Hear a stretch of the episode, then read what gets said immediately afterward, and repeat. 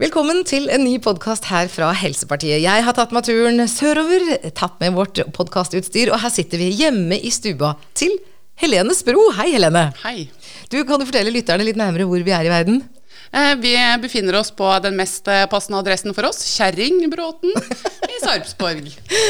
Du har jo vært med i Helsepartiet helt fra starten, Helene. Hva var det egentlig som gjorde at, du, at det rykka i politikerfoten allerede da Helsepartiet var helt uh, nyfødt? Eh, det er fordi at jeg hadde venta på et uh, helseparti, egentlig. Jeg har uh, bestandig stemt ved alle valg, og stemt på alt som har stilt til valg, omtrent, i håp om bedring.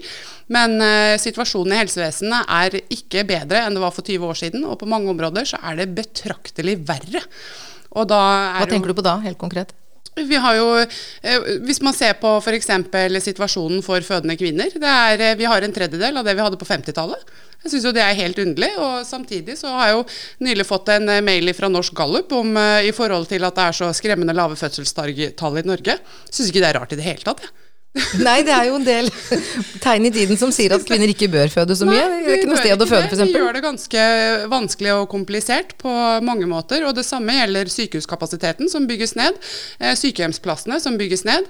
Vi har eh, intensjon om at eh, eldre mennesker skal leve lengst mulig og være friskest lengst mulig. Men når de først blir syke og er 98 år og knapt kan gå, så er det ikke noe sted for dem. Da skal de bare fortsette å være hjemme alene. Du jobber jo i hjemmetjenesten, og jeg vet at i Kalnes, nærmeste sykehuset her i Østfold, der har det vært en del hjemmesendelser også ved natterstid.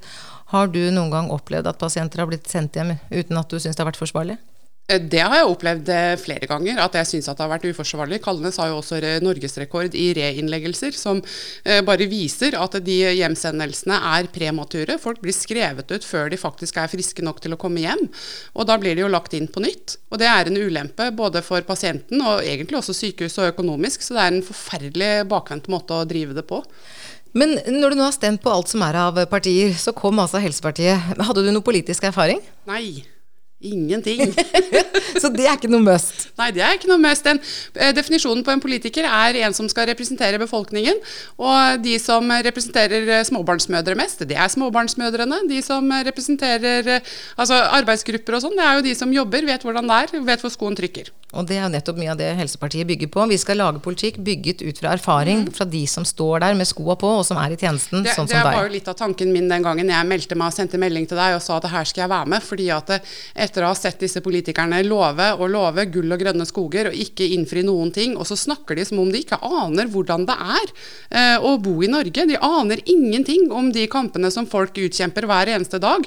Og når det kommer oppslag om ting som, eh, som har ramma mennesker, så sier de at ja, dette var et hendelig uhell. dette skal vi se på, nå skal vi se på rutinene. Dette var et engangstilfelle. engangstilfelle. Og det er en serie med engangstilfeller, føler jeg. Og når ikke det skjer noen ting, så, så, holder det ikke å sitte hjemme i sofaen og riste på huet. Da må man faktisk reise seg opp, og så må man gå og gjøre det sjøl.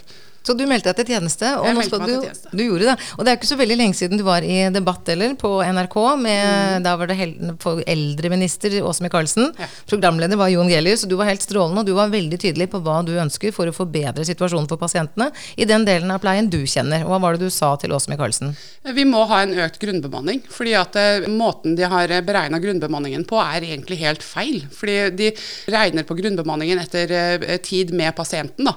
Og det er jo helt feil, fordi vi trenger fryktelig mye mer tid til alt arbeidet som gjøres rundt pasient, og kontakt med pårørende, kontakt med, med leger og andre deler av helsevesenet, kontakt med apoteket, rapportskriving. Vi er pålagt veldig mange oppgaver som, som er utenom det å ha et faktisk samvær med pasienten. Så grunnbemanningen er for dårlig, og vi tåler ikke fravær. Hva med dette kronargumentet som vi møter med jevne mellomrom? Ah, da går jo alle pengene i hele Norge til helse, da. Uh, Vi bruker mindre penger på helse i Norge enn veldig mange andre land i Europa. Så det er et fryktelig dårlig argument. Og penger, det har vi mer enn nok av. Og hvis noen setter av 1000 eh, milliarder til et veiprosjekt, så kommer ikke det på forsida av VG.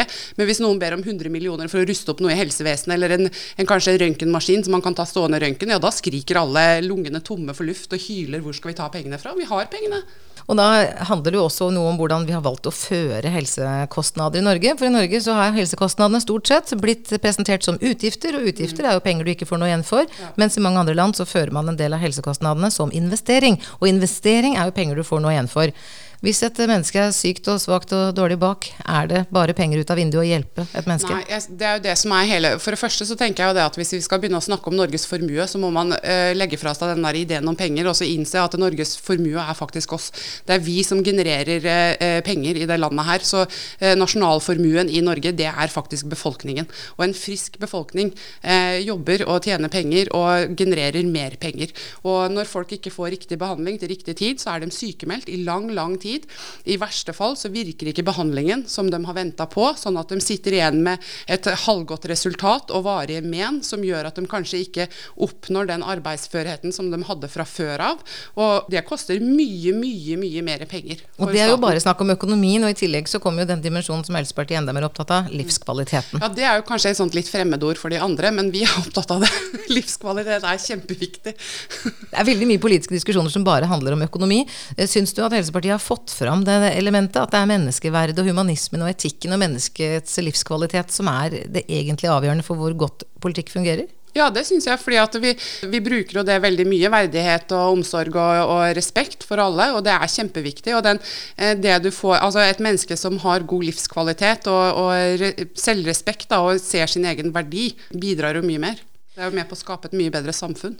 Og nå er det i ferd med å skje en del ting her nede i Østfold også. For nå har det jo i mange steder i Norge begynt å gry av lokallag, og det er veldig veldig gledelig. For hvis vi skal klare å bygge opp Helsepartiet mot stortingsvalget 2021, så er vi avhengig av innsatsen til mange ulike mennesker. Eh, hva har skjedd her i Østfold? Ja, Nå begynner det å røre litt på seg etter at vi nå har fått en eh, rapport fra Fylkesmannen hvor det blir slått fast at Kalnes ikke er i stand til å levere forsvarlige helsetjenester. Eh, der er det jo avvik på avvik på avvik. Eh, og vi ble lova et fantastisk sykehus som ikke skulle ha korridorpasienter. I fjor så lå det 4000 på gangen. De har jo altfor liten kapasitet allerede. De har ikke plass til sin egen administrasjon. Akuttmottaket er altfor lite. Og nå skal vi snart få ansvaret for enda flere mennesker, og vi får ikke en krone eh, til å gjøre noe med den problematikken. Vi får heller ikke noe mer til kommunehelsetjenesten, som på en måte skal klare å avlaste Kalnes. Eh, og det at de har rekord i, i reinnleggelser og premature hjemsendelser, er helt hårreisende. Og nå er det jo også kommet fram at det, det, altså det, blir heller prioritert penger til å bygge noe på Gaustad og legge ned Ullevål, fremfor å hjelpe oss her i Kalnes, hvor vi føler at det, Eller på Kalnes, da vi som bor rundt Kalnes. For her opplever vi at det har vært en katastrofe i flere år. Og vi har venta på at eh, politikerne skal se det. Nei, tvert imot så bygges jo kapasiteten ned i Oslo. Det vil jo gjøre at det er enda flere pasienter som må holde seg her på Kalnes, i stedet for å bli videresendt f.eks. Ja, til akutten. Hadde vi ikke hatt uh, tilgang til uh, Ullevål, så er det mange som hadde dødd her, altså. Det er mange som blir fløyet videre. Syns du media i Østfold er flinke til å fortelle om tingenes tilstand? Nei, jeg syns det er faktisk en så dårlig dekning at det nesten er litt uh, rart.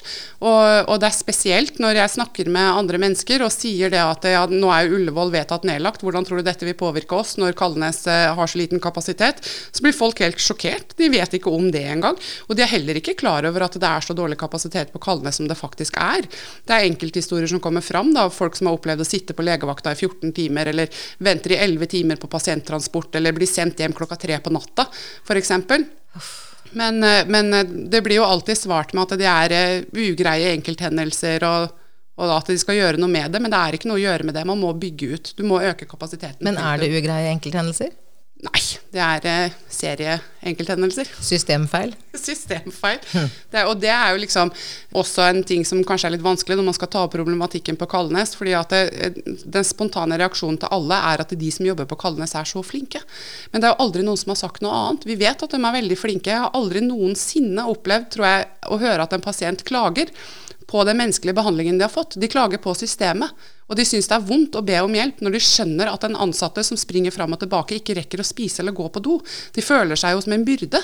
Og det er jo ikke noe ålreit å ha det sånn når du er syk. Du kommer dit for å få helsehjelp. Dette har vi jo sett om i media med ujevne mellomrom, at man ikke rekker å spise eller gå på do når man er på jobb. I hjemmetjenesten eh, så vet jeg også at det, det oppleves som underbemannet. Rekker du alltid å spise eller gå på do i løpet av dine vakter? Jeg tror det, kom, det, kommer nok litt an på. Nå pleier jeg ofte å si det, og det sier jeg til pasientene mine også, at jeg bryr meg ikke om klokka, for det er ingenting som eksploderer. Det er ikke noe lunte på noe her, så jeg tar meg tid. Men det er klart at det, det hender jo at man er både sulten og tissetrengt når man kommer inn. Men eh, sånn er det. Men det går jo opp og ned. Noen ganger så har vi rolige dager også. Det er et politisk anleggende å budsjettere sånn at uh, man får levert de tjenestene befolkningen trenger. Hvis Helsepartiet blir valgt inn på Stortinget 2021 Du var altså førstekandidat i Viken ved dette valget. Det er en fare for at du ryker inn hvis du blir førstekandidat for Østfold. Hadde du seriøst orket fire år på Stortinget, Helene Bro? Ja, for pasientene og Helse-Norge så hadde jeg gjort det. det jeg kan sone de åra.